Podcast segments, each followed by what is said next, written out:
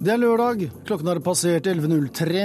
Du lytter på NRK P2, og programmet er Verden på lørdag. Stikkord for denne sendingen er telefonsamtale mellom Putin og Obama.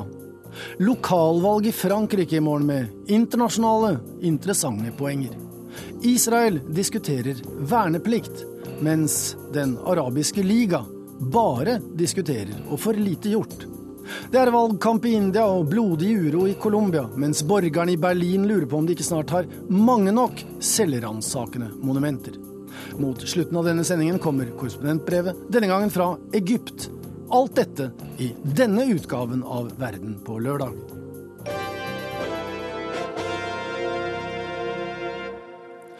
I går ble altså Jens Stoltenberg utnevnt til ny generalsekretær i Nato.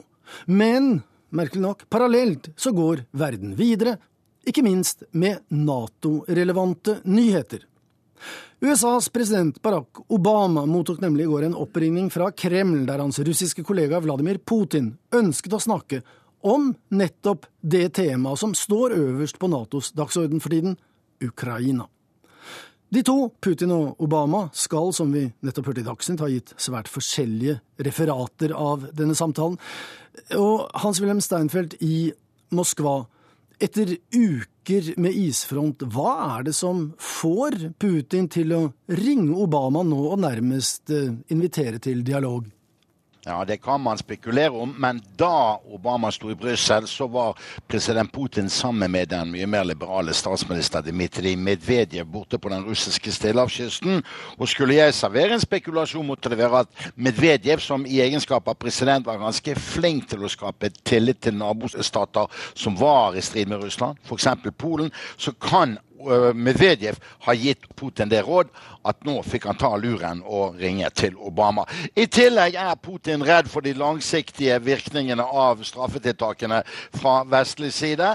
Ifølge hans gamle finansminister gjennom så mye som elleve år, Sergej Kodrin, kommer de sanksjonene til å føre til en kapitalflukt på 150 milliarder amerikanske dollar fra Russland i år. Det vil sette integreringen av russisk økonomi i forhold til USA og EU tilbake med tre år, og allerede i år føre til en negativ vekst i russisk økonomi, som fra før var utsatt. Det er klart at dette kan bli et alvorlig problem for Putin dersom EU går ned på innkjøpene og importen av russisk gass, som er selve bærebjelken i statsbudsjettet.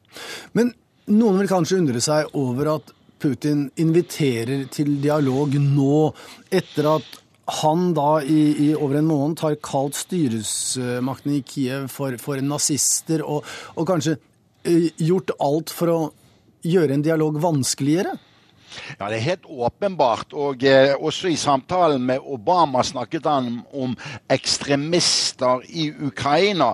Men hvis vi går tilbake til utgangspunktet at Putin også er bekymret for sine landsmenn i denne lille Transnjesterrepublikken som ligger klemt inne mellom Moldova, som de brøt ut fra, og Ukraina, så kan ikke selv en arrogant liten mann som Vladimir Putin ignorere Ukraina, som har Frankrikes flateinnhold forhold og 45 millioner innbyggere og late som de ikke eksisterer. Men han har en lang, lang vei eh, for å skape tillit til de nye myndighetene i Kiev. Og det ligger vel litt i luften at det Putin har å bruke av positive virkemidler, er jo, hvis han har mage til det eh, og stolthet eh, tillater det, å stå ved de løfter om kreditthjelp og gassrabatter som han ga til den avsatte president Viktor Janukovitsj. Det kunne bøte noe på den skaden Putin gjorde ved å annektere Krim med våpen i hånd fra Ukraina. Da sier vi takk til deg i Moskva, korrespondent Hans-Wilhelm Steinfeld. Ja, Sverre Lodgaard, velkommen i studio. Du er Seniorforsker ved Norsk utenrikspolitisk institutt, NUPI. Hvor viktig er det at Putin ringer og nærmest oppfordrer til dialog etter at det har vært brukt eh, sterke og harde ord? Jeg tror en annen del av bakgrunnen enn den som ble nevnt eh, for denne telefonsamtalen, er uroen omkring den russiske militære aktiviteten langs eh, Ukrainas grenser. Det høres ikke ut som noen av dem, Putin og Obama, har gått tilbake på ting de har gjort eller, eller sagt.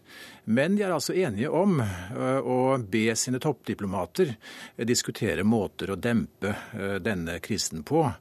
Og hvis det ikke skjer noe mer dramatikk enn det som har skjedd i forbindelse med annekteringen av Ukraina, så kan jo dette gå tilbake til normalen i løpet av et års tid. Det har skjedd ved mange anledninger tidligere. Vi skal snakke litt om dette med ordbruk, for eh, vi hørte nå at Putin jo beskriver eh, de nye myndighetene i Kiev som nazister. Tidligere denne uken så sto det en artikkel i Aftenposten der eh, Putins metoder ble sammenlignet med nazistenes. og så får vi bare ha sagt, klart det er mulig å finne likhetstrekk, og, og ha sagt det også, Russland har etter alt å dømme brutt både folkeretten og internasjonale konvensjoner.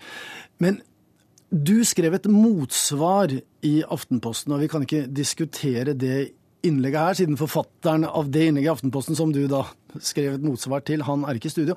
Men hva er det du reagerer på ved denne typen karakteristikker og, og historiske paralleller? Kort sagt er det følgende. Eh, når man står overfor en utfordring fra en gammel fiende som aldri helt sluttet å være fiende, eh, så er det veldig lett å gripe tilbake til gamle tankeganger. I første rekke naturligvis til den, eh, til den kalde krigen. Og folk spør, og det er helt naturlig, er vi på vei tilbake til en kald krig? Og de som husker hva den kalde krigen dreide seg om, eller vet det, de vil også vite at dette er ikke en ny kald krig. Europa ser helt annerledes ut nå.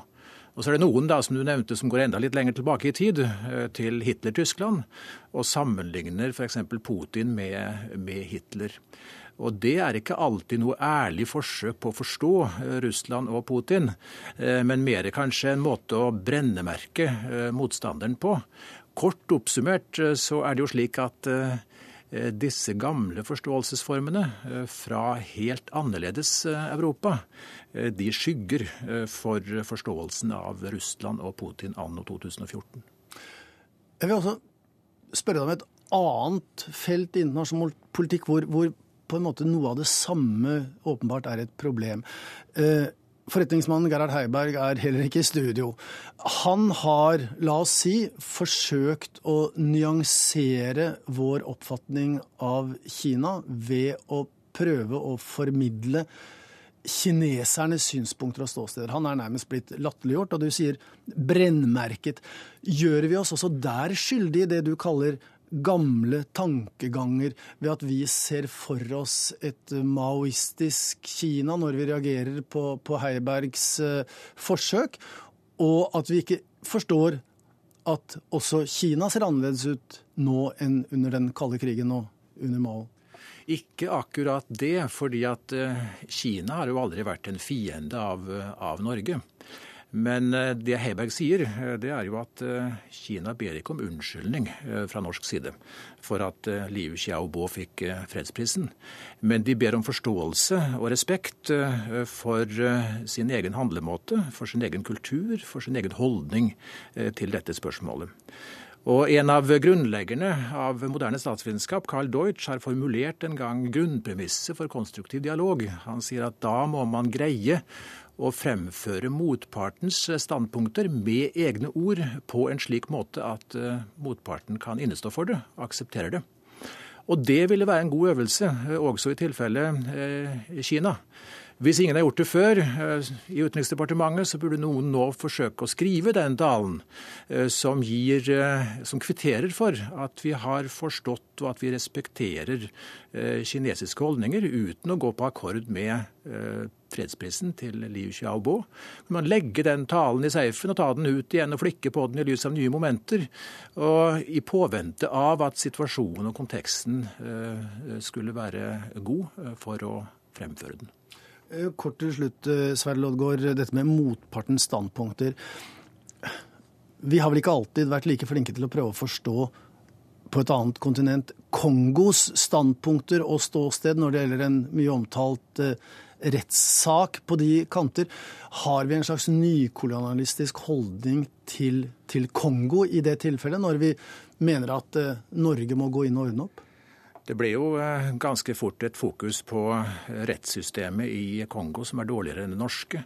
Eh, på fengselsvesenet i Kongo, som er inhumant, mens eh, vårt er humant. Eh, hvis du på toppen av det legger noen hjemmelagede forestillinger om hvordan det står til med sivilisasjonen i det tjukkeste Afrika, og en presse som forståelig nok har vært mikrofonstativ ved mange anledninger for de norske forsvarerne, ja, så har du arrogansen der, og, og også sjåvinismen.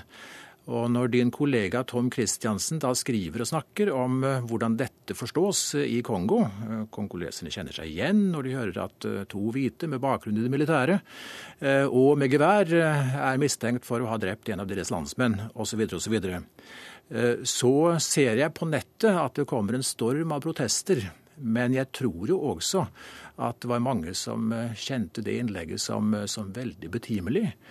For jeg tror ikke vi er verre enn andre når det gjelder å forstå eh, afrikanske forhold. Eh, for eh, vår bistand til Afrika, for å nevne én viktig faktor, har jo vært en stor industri for Norge i ganske lang tid. Da sier vi takk til deg, Sverre Lodgaard, seniorforsker ved NUPI.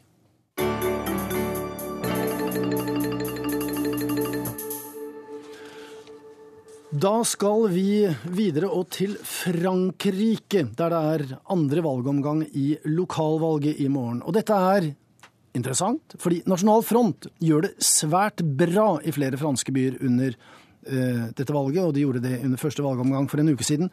Og mange stemmer faktisk nå på det høyreradikale partiet i ren protest mot de etablerte politikerne.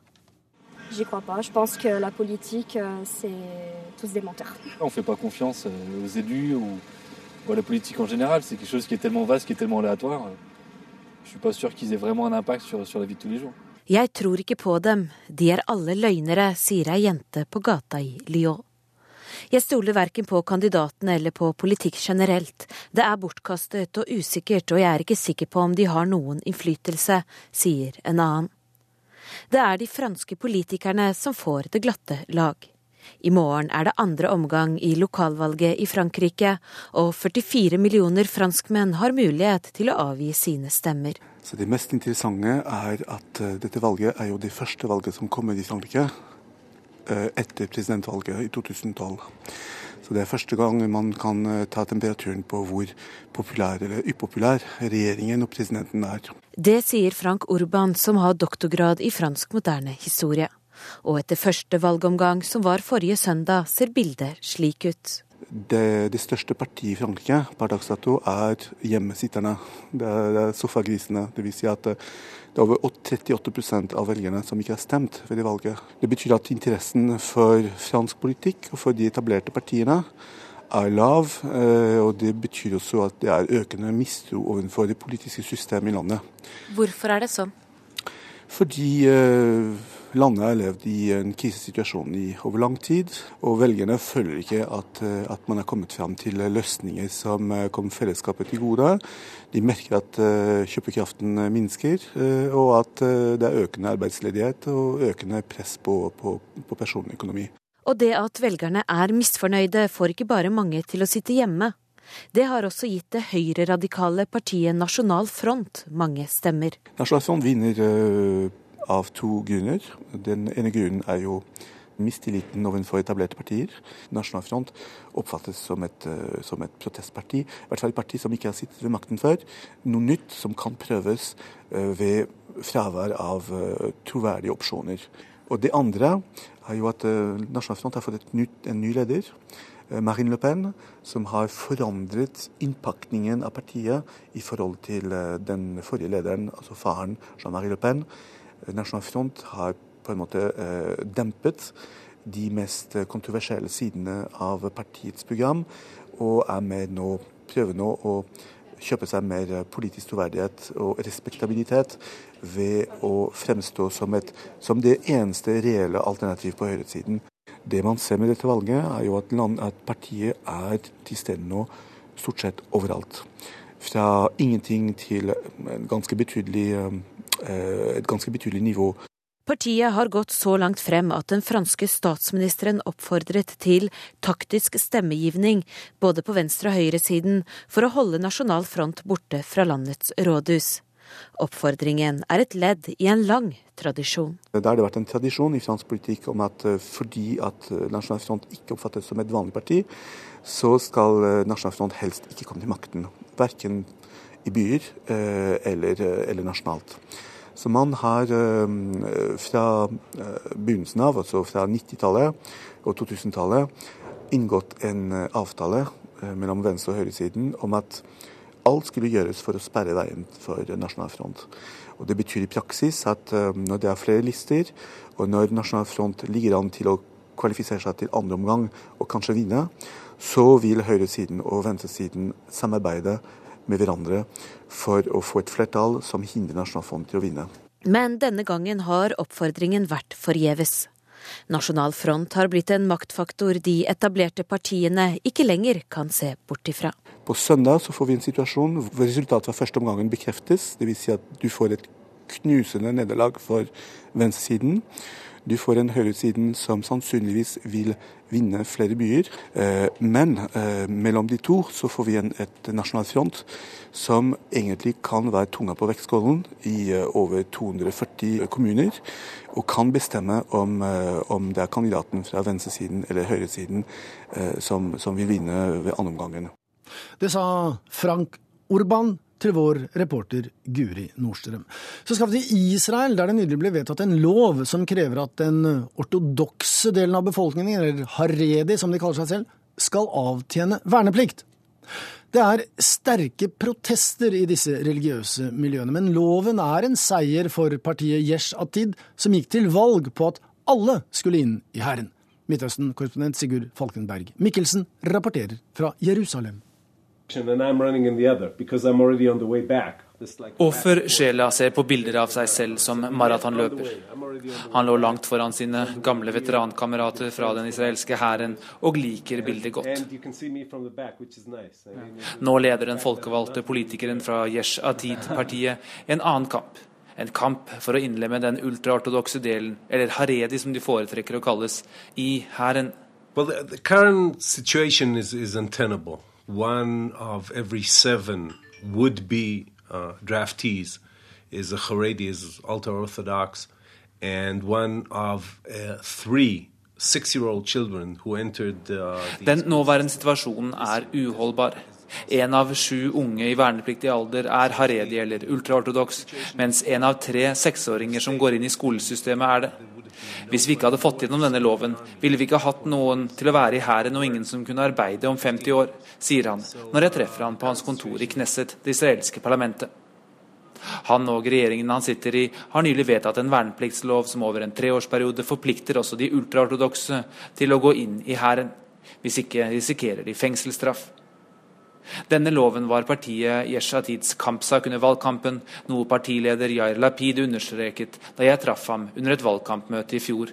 Et møte han avholdt på sabbaten. I've been, it's, I've been it's, a, it's, it's, a Shabbat. It's the, you are the only one working. I see. Okay, that makes sense now. Is that a political statement uh, to uh, to have a uh, political gathering on the Shabbat? Well, I've been doing this for, for a long time now, every, almost every Shabbat for month and month now, so it's not a political statement. I'm not a religious person. Men denne saken har skapt voldsomme reaksjoner i haredi-befolkningen. I en annen del av Knesset har Menachem Eliser Moses kontor. Han er leder av Yahadut Hatora, et allianseparti som representerer mange av de ultraortodokse. Han er ikke fornøyd med Yesh Atids press for å få til denne loven. ליש עתיד מה שהם עושים לנו, אני מבטיח לך. לא, אני לא אכריח אותו ללכת כפי שהוא רוצה שנלך שלוש שנים לצבא, אני לא אכריח אותו ללכת שלוש שנים לישיבה. Når vi blir majoriteten her i landet, skal ikke vi gjøre med Yeshatid som de nå gjør med oss. Jeg lover, jeg skal ikke presse Yair Lapid til å studere Toraen eller gå i en yeshiva i tre år, slik han prøver å presse oss. Jeg skal ikke engang tvinge ham til å be hver dag, og jeg skal ikke redusere budsjettene til universitetene slik han har gjort med våre jeshivaer, sier han med referanse til deres religiøse læresteder. Og når jeg spør ham om han tror Israels framtid er truet, svarer han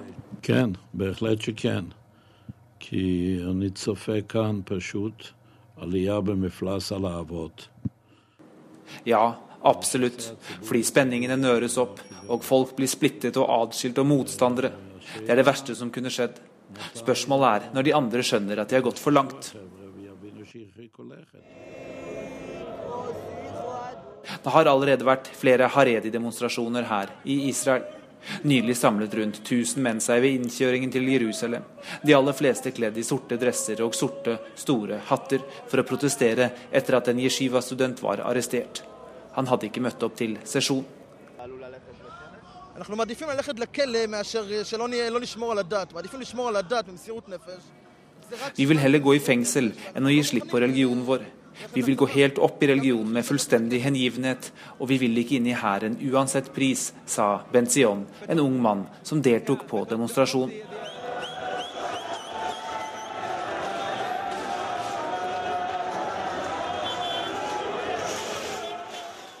Etter en rolig start begynte demonstrantene å rive ned sperringene politiet hadde satt opp, og demonstrasjonen spredte seg videre etter det. Men Yeshatid og Ofer Shela har ikke tenkt å gi seg. I'm, I'm threatened by people who say that there, there will be rift if they are uh, uh, obliged to fulfill the law, to obey. Jeg lar meg ikke true av folk som sier det blir splittelse hvis de må følge loven. Et samfunn der noen tillates å ikke følge loven, derimot, er et samfunn som ikke vil holde sammen, sier han. I den nye vernepliktsloven straffes de som ikke møter opp med fengsel. Det synes professor Tamar Elor ved Hebrew University er unødvendig.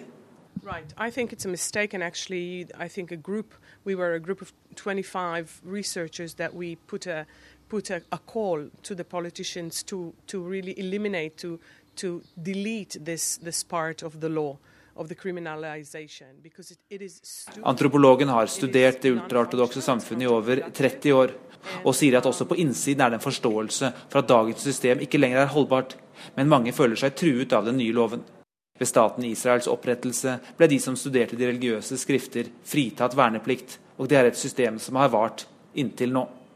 Because the poli- because there is a moment now when the the status quo was pushed.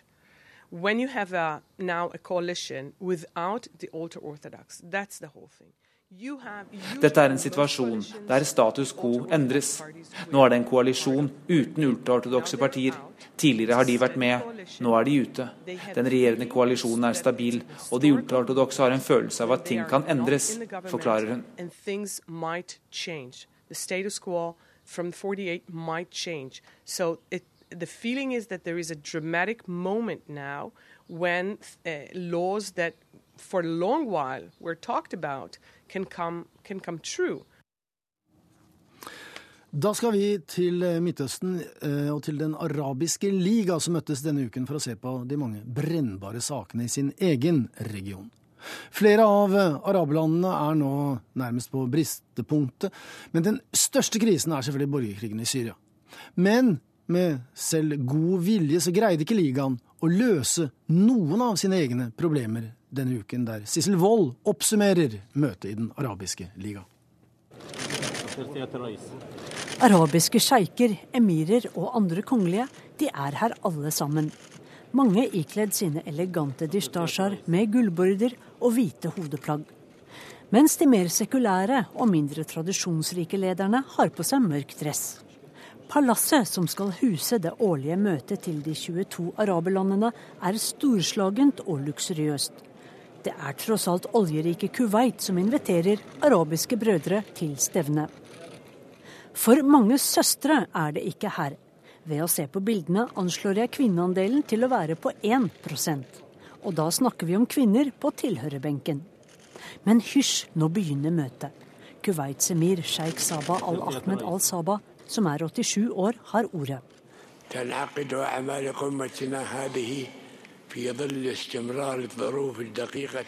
Vi samles i en tid da enorme farer truer i vår region, noe som tvinger oss til å finne løsninger sammen. Den arabiske ligaens leder, 79 år gamle Nabil al-Arabi, forsøker seg på litt optimisme ved møtets begynnelse.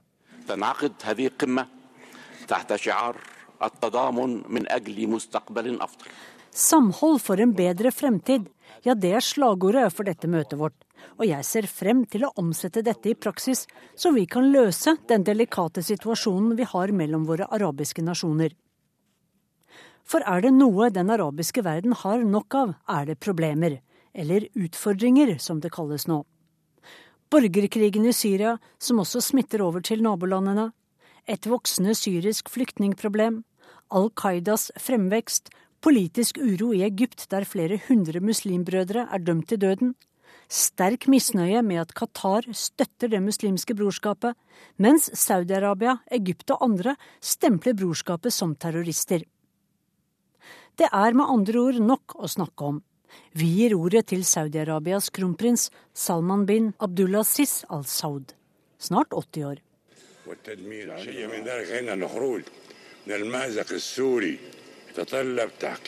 For å få avsluttet den syriske krisen må styrkeforholdet på bakken balanseres, og opposisjonen må få mer støtte, mener han. Av de yngre deltakerne er Jordans kong Abdullah.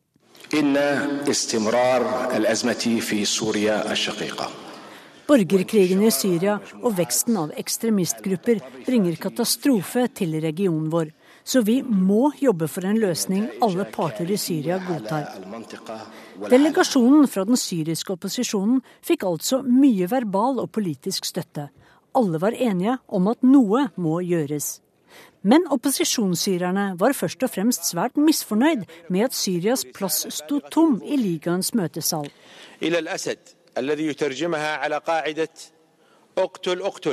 At stolen står tom er et signal til Bashar al-Assad om at du kan bare drepe og drepe, for stolen venter på deg likevel når du har fullført krigen. Hva hindrer dere, som er våre arabiske brødre, i å gi oss en plass rundt dette bordet, spør Ahmed al-Jamra.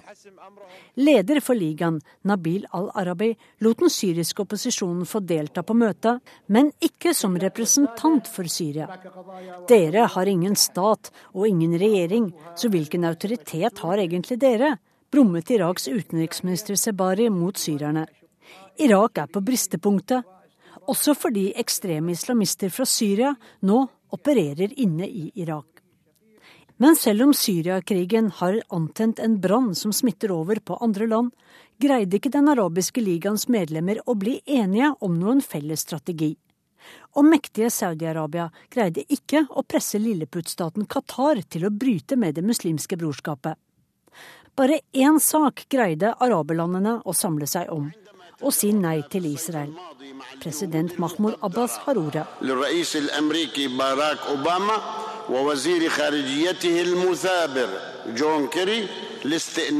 Vi er positive til president Barack Obama og utenriksminister John Kerrys forsøk på å få i gang fredsforhandlinger med Israel. Men palestinernes president nekter å gi etter for israelsk og amerikansk press om å anerkjenne Israel som en jødisk stat. Begrepet jødisk stat er problematisk bl.a. fordi 20% av Israels innbyggere er arabere, og fordi dette ville frata palestinerne sin historiske forbindelse til det gamle Palestina. Og Abbas fikk støtte fra en samlet arabisk liga. Ved møtets slutt sa Egypts fungerende president Adli Mansour vi håper at de som fremdeles står på feil side av historien, vil tenke seg nøye om, ta det rette valg og slutte seg til en felles arabisk enhet. Men det som er rett for én, kan være galt for en annen. For, som den nå litt mer dempede optimisten al-Arabi erfarte ved møtets slutt, det er urimelig å tro at vi kan løse våre uoverensstemmelser i løpet av bare to dager. Men som Hans Høyhet emiren av Kuwait sa, alle landene har bidratt med sitt, og disse bidragene vil vise resultater på sikt, ifølge ligaens leder, fremdeles litt optimistisk. De krigstrette syrerne kan være bitre på Vesten og det internasjonale samfunnet, som ikke greier å få til noen ting for å avslutte den totalt ødeleggende borgerkrigen. Men deres arabiske brødre er sannelig ikke noe bedre. Og fra Sissel Wold i Midtøsten skal vi til Inger Marit Kolstadbråten i Colombia, der fredsforhandlinger og valgkamp foran presidentvalget om åtte uker preger nyhetsbildet. Men I virkeligheten så er det uro og angst som preger vanlige folks hverdag. Ikke minst i havnebyen Buenaventura på Stillehavskysten, der 150 mennesker bare er forsvunnet de siste årene.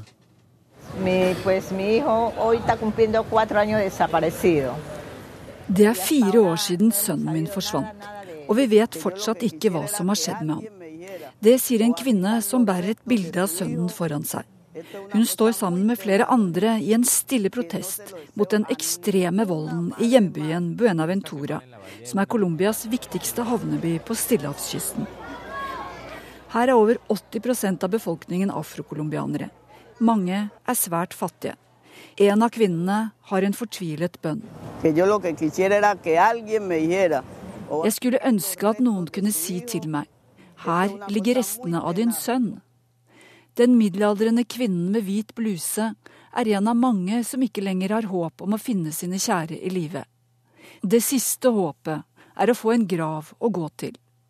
For Buenaventura har de siste årene vært herjet av en vanvittig rå voldskriminalitet. Esta semana en la bahía de Buenaventura continuaron los hallazgos de restos humanos desmembrados. I nyhetssendingene forteller de at de har funnet nye lik i byen. På bildene ser vi døde kropper som ligger i søla mellom plankeskur som står på påler. En mann ligger på gata med en svær blodpøl rundt hodet. Mer enn 150 mennesker har forsvunnet fra denne byen siden 2010. De fleste er trolig drept. Men det verste er at de også finner deler av mennesker som har blitt kuttet opp. Bein, armer og kropper uten hode. I Buenaventura finnes det egne hus hvor de parterer mennesker. Folk forteller at de hører skrik midt på natta, og at noen roper 'Ikke drep meg! Ikke drep meg!' Det forteller den lokale biskopen Hector Quintero til nyhetsbyrået Reuters. Han sier at de får rapporter om at folk blir partert, mens de fortsatt er i live. Eh,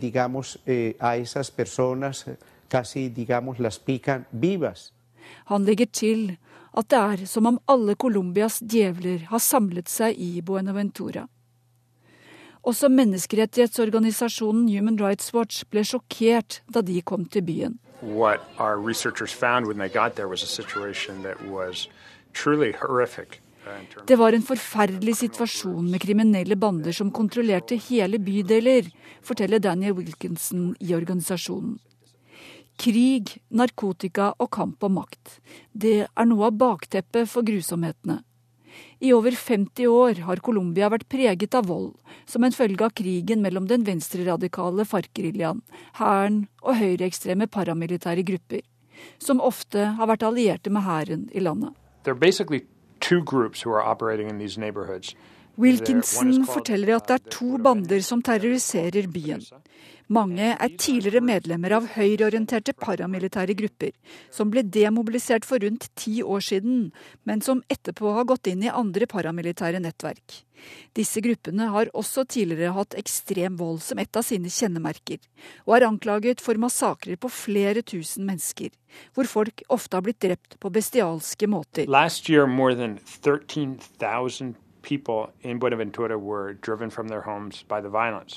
Mer enn 13 000 mennesker har flyttet fra stedet pga. trusler og vold, sier Wilkinson. Og noen mener at målet med terroren nettopp er at folk skal flytte. For de fattigste slumområdene ved sjøen blir mer og mer attraktive ettersom skipstrafikken øker. Og de er også viktige for smugling av våpen og narkotika, som gir penger i kassa til de kriminelle gjengene. Volden i Buenaventura har sjokkert også regjeringa i landet. Forsvarsminister Juan Carlos Pinzón har sendt tunge militærkjøretøy og kampkledde soldater inn mellom plankeskurene for å beskytte folk mot de kriminelle bandene. Men mange mener at de fattigste bydelene heller trenger jobber enn soldater. Og det skaper også hodebry at demobiliseringa av de paramilitære ikke har fungert. For hvis FARC-geriljaen og regjeringa, som har sittet i fredsforhandlinger på Cuba i over et år, kommer fram til en fredsavtale, må flere tusen geriljasoldater demobiliseres. Folk som nyhetsbyrået Reuters har snakket med, er likevel fornøyde med at militæret er sendt inn i slumområdene. Jeg syns det er bra og takker Gud, for nå vil vi få et tryggere liv enn vi hadde før, sier Alba Maria Mosquera smilende, mens hun sitter på trappa utenfor skuret sitt og ser soldatene gå forbi. Neste stopp Berlin de mange monumenters by, og ikke minst de mange selvransakende minnesmerkers by. Så spørsmålet som der nå stilles, er hvor mye historie tåler Berlin? Det var tittelen på et stort debattmøte i den tyske hovedstaden denne uken. For Berlin har de siste årene fått en rekke nye monumenter over sin dystre fortid. Og det planlegges nå enda et sentralt minnesmerke. Denne gangen gjelder det ofrene for kommunismen i DDR. Arnt Stefansen har sendt oss denne reportasjen.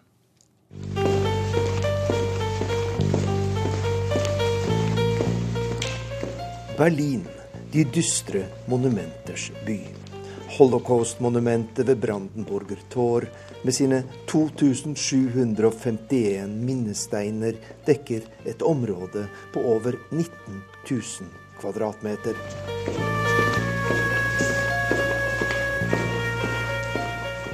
I det samme området har andre ofre for nazismen, som romfolk og homofile, fått sine monumenter.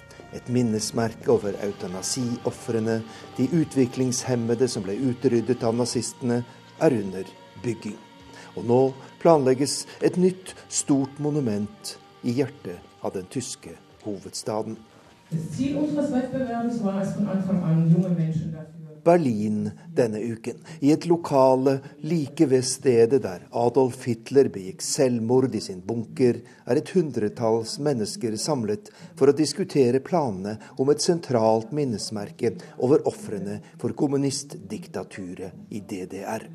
Blant deltakerne er Gino Kohn, som selv ble forfulgt og fengslet av regimet. Hva betyr et slikt monument for deg, spør jeg. Die Opfer, die hier so viel äh, Leid in den, in den Zuchthäusern der DDR und in den in som opplevde så mye lidelse i Bautzen, Hohenschönhausen og andre DDR-fengsler, trenger så absolutt et slikt minnesmerke. Jeg tilbrakte selv to og et halvt år i DDR-regimets beryktede fengsler og tukthus, og for meg er et slikt monument et tegn på respekt for det jeg har opplevd, det er et sted for ettertanke, og det er et budskap til nye generasjoner om at dette aldri må skje igjen, sier den tidligere fangen.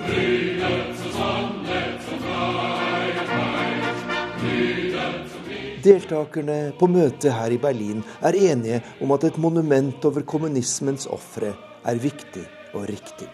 Men det er et større tema som egentlig står på dagsordenen. Hvor mye historie tåler Berlin? En av innlederne, journalisten og historikeren Helmut Frauendorfer, er opptatt av hva alle monumentene over den dystre fortiden gjør med den tyske hovedstaden. Og jeg spør ham om Berlin kan oppfattes som en trist by. Ja, eine berechtigte Frage. Eine berechtigte Frage. Der Besucher Et berettiget spørsmål. Er Berlin en trist by? Jeg vil gratulere med den formuleringen. Og svaret er delvis ja. Men det er en meget god grunn til dette, nemlig at Berlin har en svært trist historie, sier han. Wir möchten nicht, dass der Besucher, wenn er hierher kommt, gleich in Tränen Vi vil selvsagt ikke at de som kommer hit, straks skal ta til tårene og deretter fortsette å gråte. Men én time per dag kan man gjerne være trist når man besøker Berlin. Da har man forstått noe viktig. Deretter bør man hygge seg, og det er mange grunner til det i denne byen, sier historikeren.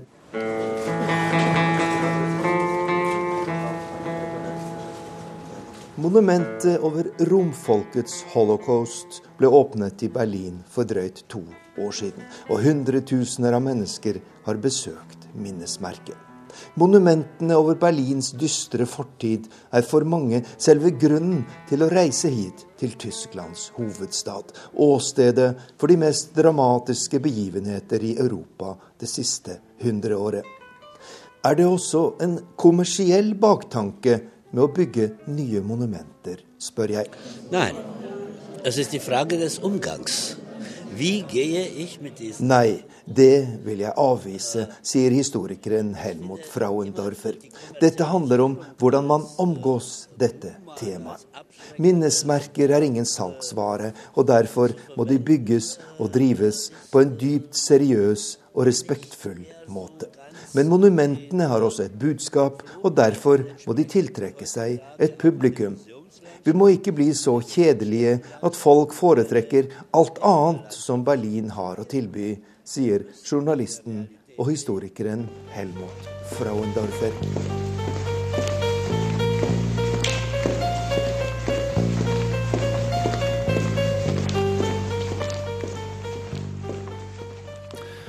Da skal vi til India, der det snart er valg. Og med 815 millioner stemmeberettigede så er verken avvikling eller opptelling gjort i en håndvending. Valget avvikles i ni forskjellige etapper fra 7. april til 12. mai, og det endelige resultatet vil bli kunngjort 16. mai. Kongresspartiet har dominert indisk politikk siden uavhengigheten i 1947, og også denne gangen stiller Kongresspartiet med en statsministerkandidat fra det såkalte Nehru-Gandhi-dynastiet. Og den 43 år gamle Rahul Gandhi tror at han vil bli statsminister denne gangen, i likhet med sin far, sin farmor og sin oldefar. We'll Men meningsmålingene tyder på noe annet. Det indiske nasjonalistpartiet BJP, som vi hørte Raoul Gandhi mente de ville slå, ligger an til å gjøre et brakvalg, og kan få rent flertall. Ikke minst fordi Raoul Gandhi har vært en nølende statsministerkandidat. Han har gått graden i partiet og i nasjonalforsamlingen, men vært tilbakeholden og beskjeden. Noen mener direkte folkesky han tar sjelden ordet i nasjonalforsamlingen, og først nå har han gitt sitt første TV-intervju. Mange mener det er svært passivt og lovlig sent. Raoul selv mener at han har drevet med viktigere ting, som internt partibyggende arbeid, og møtt vanlige indere uten tilgang på TV. Og han har en plan, sier han. Han vil fornye India ved å utnytte unge landsmenns energi og virketrang, samt ved å gi kvinner større frihet og handlingsrom. What Rahul Gandhi wants to do, want to change the way the system in this country works. What Rahul Gandhi wants to do is empower the women in this country. Men India som nasjon sliter, og dermed også Kongresspartiet. For da indisk økonomi så ut til å vokse inn i himmelen med en vekst på nesten 10% i året, så fikk Kongresspartiet mye av æren. Nå er veksten halvert, og da får Kongresspartiet både skyld, ansvar og kjeft. Så Raoul får lite drahjelp fra den politiske og økonomiske virkeligheten i landet. Samtidig har hovedutfordreren, det hindunasjonalistiske høyrepartiet BJP, funnet frem til en imponerende statsministerkandidat Narendra Modi. Han er 63 år gammel og statsminister i delstaten Gujarat, helt vest i India. Gujarat er på flere måter Indias utstillingsvindu og skrytevegg, der det meste går mye bedre enn i andre delstater, og alt går bedre enn i landet som helhet. The state's crime rate at 11.8% is much lower compared to the national average of 19.6% crime against women in the state is only 0.7%, compared to 2% nationally. Modi får de beste skussmål. Da redaktør Aron Puri i India Today skulle introdusere ham og gjorde det som Indias neste statsminister, var det nesten ingen ende på lovprisningen, noe Puri selv innrømmet. Every word I say about our gala dinner speaker could sound as an understatement Namo, som Narenda Modi stadig oftere blir omtalt som, var både populær og folkekjær, den mest omtalte og mest profilerte politikeren i India, begavet og beundret, men samtidig, ifølge sjefredaktøren i India Today, også kontroversiell. In short, either you love him or you hate him. Den lovpriste delstaten Gujarat var nemlig i 2002 åstedet for en av de verste sammenstøtene på religiøst grunnlag i det moderne India. Tallene varierer, men flere hundre hinduer ble drept, mens kanskje så mange som 2000 muslimer mistet livet. Hva som skjedde er gransket av en rekke instanser og komiteer, men det politiske ansvaret den gang lå uansett hos the chief minister Narenda Modi. De mest moderate mener at han nok kunne ha gjort mer for å stanse opptøyene. De mest ytterliggående hevder at Modi selv sto bak og lot hindumobben få fritt spillerom. Men han er aldri blitt dømt for noe. No court of this land has found him guilty, but he continues to be on trial in the minds of some Indians. Når den introduserende møtelederen sier at Modi aldri er dømt, men fremdeles blir anklaget, så er det med adresse til blant andre Raoul Gandhi.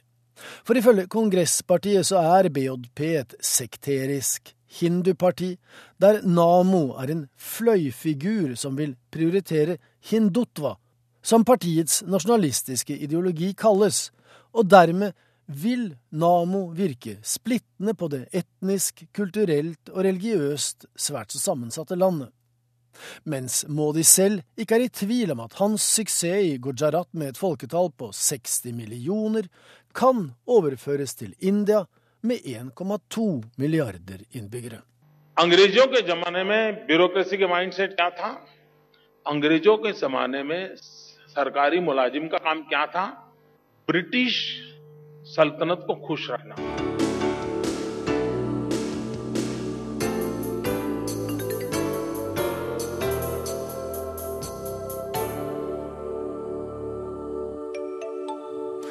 Da er det 20 sekunder til, det er, til klokka er ti på tolv, og det er tid for korrespondentbrevet.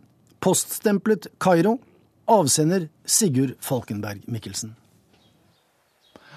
Hva er frykt?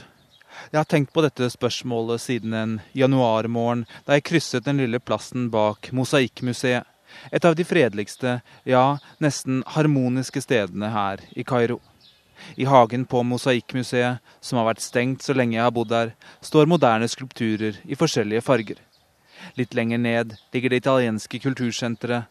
På den andre siden av gaten kafeen med det ikke så kledelige navnet Beanos, og også Lufthansas Kairo-kontor. 100 meter unna min datters barnehage. Selv var jeg på vei for å trene i Gezira-parken, den gamle engelske koloniklubben som nå er tatt over av den egyptiske eliten. Det var ikke slik at jeg stilte meg spørsmålet på et rasjonelt vis og veide fram og tilbake slik jeg gjør nå. Jeg var i frykten, kjente dens svimlende og kvalmende kraft. Jeg hadde akkurat levert min datter i barnehagen og gikk over denne plassen hvor det en uke tidligere ble funnet en bombe, rett foran Lufthansas kontorer. Barnehagen ble evakuert, og i tillegg lå bomben på den veien hvor vi nesten daglig går med barna på vei til Gezira. For det er ikke bare en gammel sportsklubb, for oss er det først og fremst en lekeplass. Da jeg kom fram til parken, ble jeg stanset av en vakt som sjekket bagen min. Jeg er vant med at slikt skjer i Midtøsten, men det har aldri hendt i Gezira-parken før, og da dette hendte, var det treårsmarkeringen for oppstanden som til slutt felte Hosni Mubarak den 25. januar 2011. Etter barnehageevakueringen, som var en tirsdag, kom flere bomber fredag morgen, dagen før de store demonstrasjonene. Én rammet og ødela et politihovedkvarter i Kairo sentrum, og i samme slengen deler av Det islamske museet. Flere kolleger ble lynsjet av menneskemassen da de kom dit for å dekke hendelsen. På selve treårsdagen ble rundt 60 mennesker drept, hovedsakelig i to forsteder til Kairo, der det ble arrangert demonstrasjoner mot militæret, uten at noen brydde seg noe særlig, verken her i Egypt eller i resten av verden. Tahrir-plassen hadde skiftet ham og var inntatt av militærregimets tilhengere. De revolusjonære, som en gang hadde plassen som sitt territorium og stolthet, var tvunget til å samle seg noen gater lenger ned, og gjorde det med livet som innsats. Både politiet og deres lokale allierte av gjenger og kjeltringer var i stridshumør, og det tok ikke lang tid før det brøt løs. Tåregass og gatevold. Men nå sto aktivistene og de revolusjonære ribbet tilbake, alene mot overmakten, ikke samlet slik de gjorde for tre år siden. Da jeg kjørte rundt i dette dystopiske bylandskapet med store betongbroer og flyover og forfalne tietasjes Hausmann-aktige bygg litt senere på ettermiddagen, lenge etter at jeg trodde de revolusjonære hadde forlatt området, så jeg en liten gruppe mennesker som presset seg sammen, som urolige dyr søkte de støtte i hverandre og ropte slagord både mot militæret og det muslimske brorskapet, mens deres fiender ruslet rundt med slagvåpen og skulte mot dem. Der det er frykt, er det også mot. Mange av oss snakket mye om hvordan folk i Kairo og hele den arabiske verden kastet av seg frykten, som det var et klesplagg i den utrolige perioden som det første halvåret av 2011 var. Vi pratet mye fordi vi lot oss imponere, fordi vi visste hva de risikerte. Det er enormt kraftfullt å møte mennesker som bryter ut av undertrykking, som overskrider seg selv.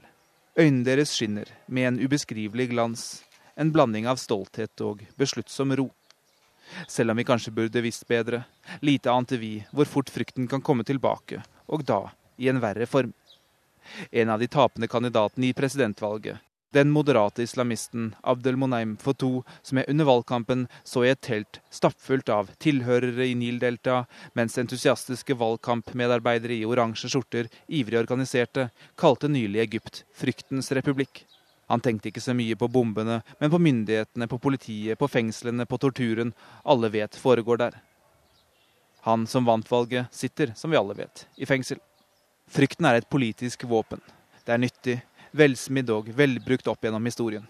Frykten jeg følte for min familie, kunne, hadde jeg vært egypter, kanskje ledet meg til å lukke øynene for overgrep begått i trygghetens navn. Det ville være kortsiktig, ja vel, men så lenge barna er trygge. Kanskje ville jeg reagert slik. Jeg vet ikke hvor modig jeg egentlig er. Men den mest effektive bruken av frykt er indirekte. Den som skaper selvsensur og presser folk unna den politiske arena, slik at makthaverne alene kan dominere. Det er det som skjer i Egypt nå. Og ser man seg tilbake, er det lett å se hvordan makthaverne, dvs. Si militæret og de gamle elitene, har tatt for seg sine fiender én for én. De var kanskje hardt presset å redde en periode, de var godt organiserte og hadde maktmidler å bruke. Først tok de den umiddelbare faren, nemlig den unge middelklassen i Kairo som hadde startet oppstanden.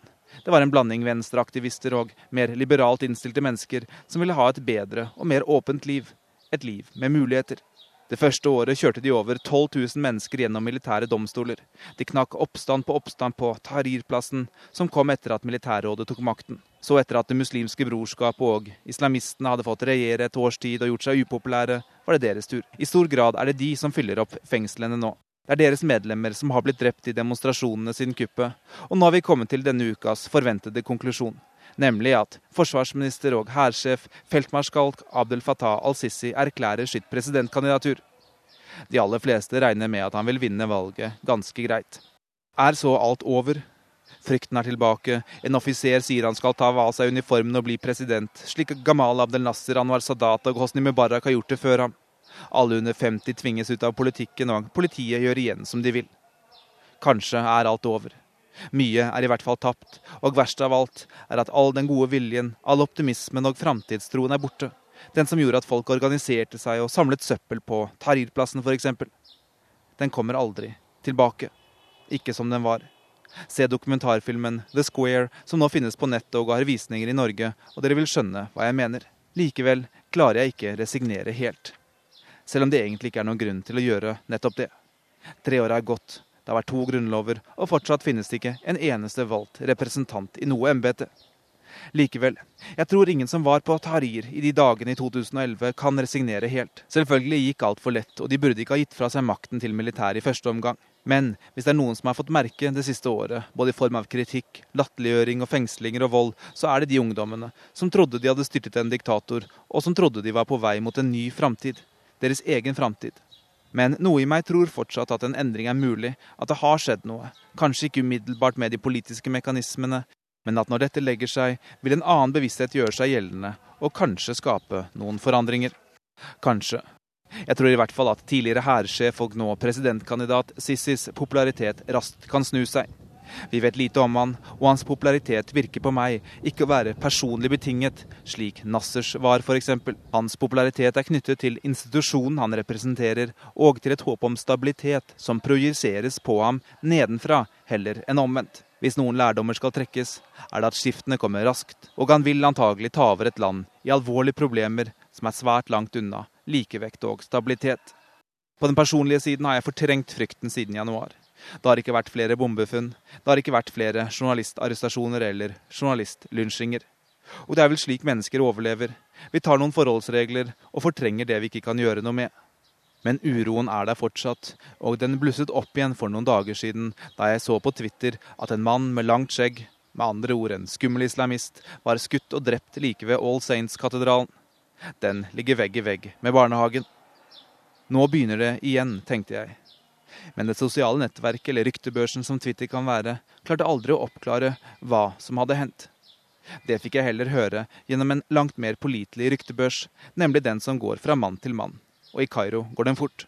Den arabiske telefonen kaller franskmennene det. På vei hjem fra kontoret fortalte nemlig min sjåfør Sami om et utrolig innbruddsforsøk i nærområdet. Det var som tatt ut av en Charles Dickens-roman. Den velstående bydelen Zamalek, hvor vi bor, er en øy i Nilen. Rett på den andre siden ligger Imbaba, et tettbygd og svært fattig område. Der bodde en kvinne som tjenestegjorde hos en gammel og ensom og selvfølgelig rik dame på Zemalek. Tjenestekvinnen gjorde rent og holdt orden. En dag var hun blitt overtalt av mannen sin til å stjele den gamle kvinnens eiendeler. Mannen skulle vente nede og hjelpe henne hjem med bytte. Det var bare én hake. Den gamle damens datter kom uventet på besøk og skapte et voldsomt leven. Da politiet kom, begynte mannen å løpe og nektet å stanse. Han ble skutt og drept i flukten. De gjorde rett, hva, synes du ikke? Hva skulle du ellers gjort? Gitt mannen blomster og latt ham løpe? sa Sami. Vi hadde før dette diskutert massedødsdommen som kom tidligere denne uka, der over 500 mennesker ble dømt til døden. Jeg forklarte litt pedantisk og skandinavisk at jeg mente at overdreven voldsbruk ikke vitner om en stat med selvtillit eller trygghet. Å møte vold med vold er én ting. Møte all motstand med vold er noe annet. Og heller enn å vise styrke, vitner det om at frykten går begge veier. Det er det som gjør situasjonen her så farlig. Sa Sigurd Falkenberg Mikkelsen om livet i Kairo. Dermed er siste ord sagt i denne utgaven av Verden på lørdag, der Oda Holm Gulbrandsen var skript, Finn Lie var teknisk ansvarlig, og Joar Ho Larsen satt i studio på Marienlyst.